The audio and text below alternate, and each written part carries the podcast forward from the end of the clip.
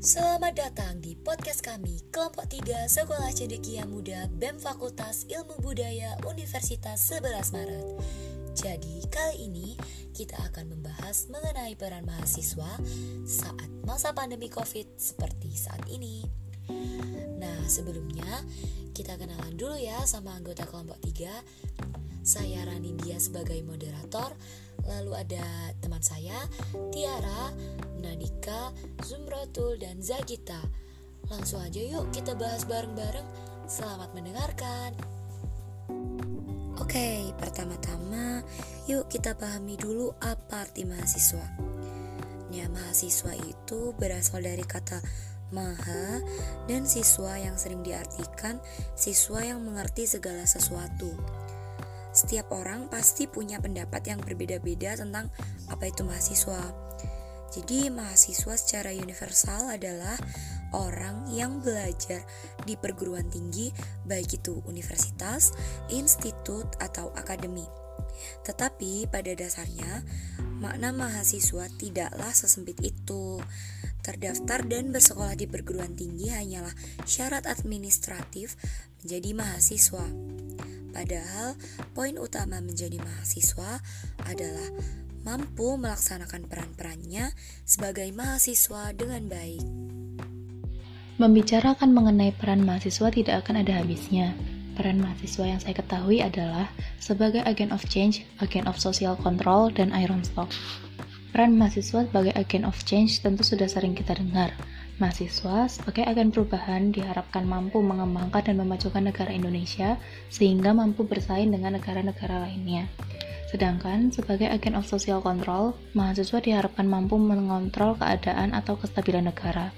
Bukan hanya sekedar memberikan kritik semata, tetapi juga memberikan sebuah kontribusi nyata.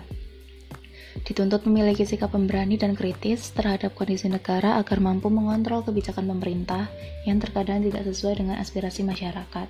Di situlah mahasiswa harus berperan sebagai penengah antara pemerintah dan masyarakat.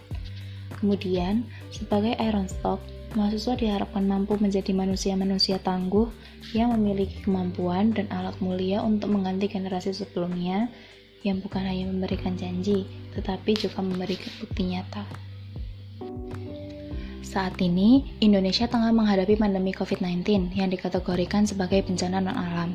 COVID-19 adalah penyakit yang disebabkan oleh virus Severe Acute Respiratory Syndrome Coronavirus 2 atau SARS-CoV-2.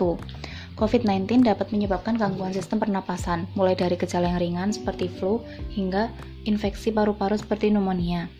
COVID-19 atau Coronavirus Disease 2019 adalah jenis penyakit baru yang disebabkan oleh virus dari golongan coronavirus yaitu SARS-CoV-2 yang juga sering disebut dengan virus corona. Kasus pertama penyakit ini terjadi di kota Wuhan, Cina pada akhir Desember 2019. Setelah itu, COVID-19 menular antar manusia dengan sangat cepat dan menyebar ke puluhan negara, termasuk Indonesia, hanya dalam beberapa bulan.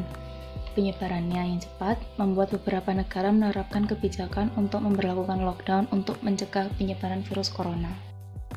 Pemerintah melakukan banyak upaya untuk mengatasi pandemi, mulai dari adanya himbauan untuk stay at home, belajar dan bekerja dari rumah, tertib menjalankan protokol kesehatan ketika berada di luar rumah atau memakai masker, menggunakan hand sanitizer, atau mencuci tangan dengan sabun.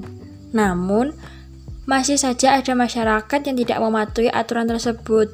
Sebagai bukti eksistensi mahasiswa terhadap peran mereka sebagai agent of change and agent of social control, mereka membantu pemerintah memberikan himbauan pada masyarakat untuk mematuhi aturan pemerintah, seperti membantu penggalangan dana. Kemudian, hasil dana yang telah terkumpul dibelikan sembako untuk dibagikan kepada masyarakat sambil mengedukasi masyarakat pentingnya mematuhi protokol kesehatan yang ditetapkan pemerintah dan untuk pembelian APD yang nantinya disumbangkan untuk garda terdepan yang menangani COVID-19. Meskipun bantuan sembako tidak memberikan dampak yang signifikan terhadap perekonomian masyarakat, setidaknya hal tersebut dapat meringankan beban masyarakat dan himbauannya belum tentu juga dipatuhi. Hal tersebut sudah memberikan bukti nyata peran mahasiswa untuk melakukan suatu gerakan perubahan dan kontrol sosial untuk mengurangi penyebaran COVID-19. Peran mahasiswa sebagai agen of change, agen of social control, dan iron stock yang telah dilakukan oleh banyak mahasiswa di Indonesia adalah melakukan demo meminta agar UKT atau uang kuliah tunggal diturunkan dalam artian diberi keringanan karena pada masa pandemi ini, kondisi perekonomian Indonesia menjadi carut-marut. Penghasilan masyarakat, khususnya pedagang di pasar dan penjual makanan, mengalami penurunan drastis dengan adanya aturan stay at home. Jika tidak ada aktivitas penting atau mendesak yang mengharuskan mereka keluar rumah, banyak terjadi PHK massal. Hal tersebutlah yang mendasari mahasiswa menuntut agar UKT diturunkan. Oke, aku akan melanjutin lagi. Ketika pemerintah melarang adanya kerumunan sehingga mereka tidak bisa melakukan demo, mereka tidak kehabisan akal.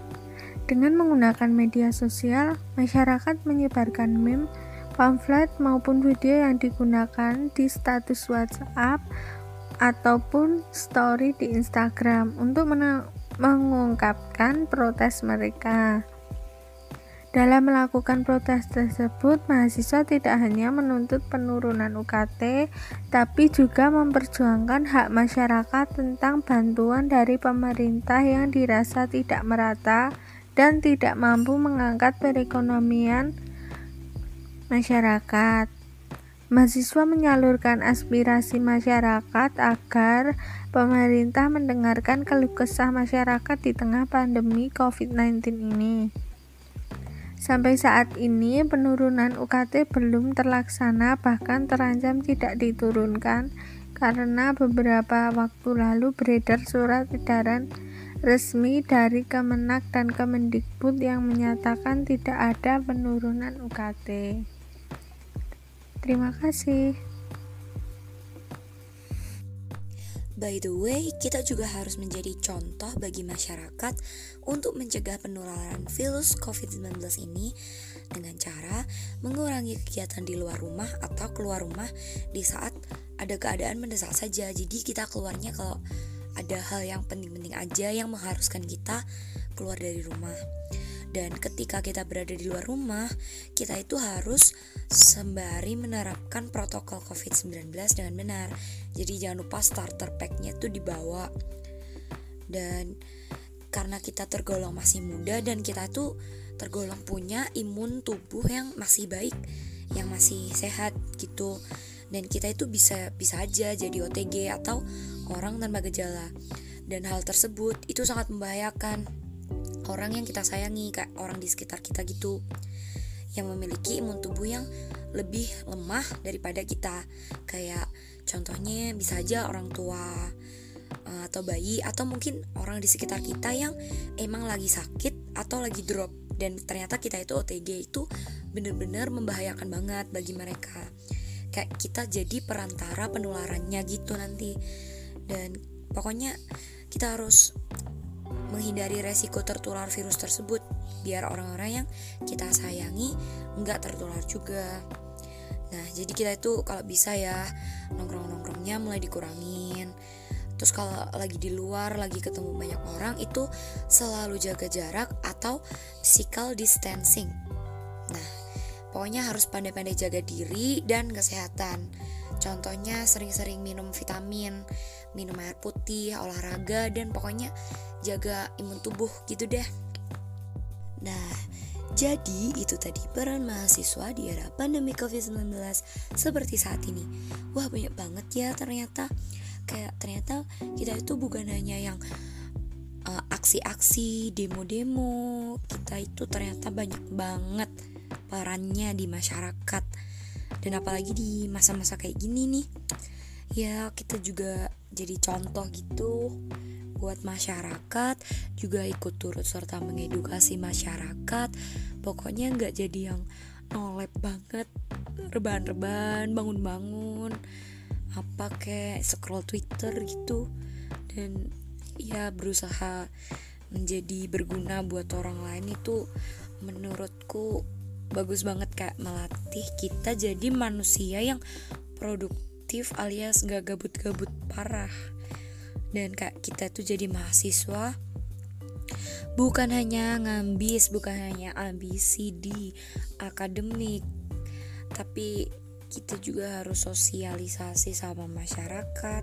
Kita harus bisa tahu berbaur dengan masyarakat. Karena sejatinya manusia kan makhluk sosial ya. Jadi manusia itu nggak bisa hidup tanpa bantuan orang lain dan jadi kalau kita itu belum bisa jadi manfaat bagi sekitar kita ya setidaknya kita itu jangan jadi manusia yang merepotkan gitu intinya. Hehe. Ya sekian podcast kali ini. Terima kasih sudah mendengarkan kami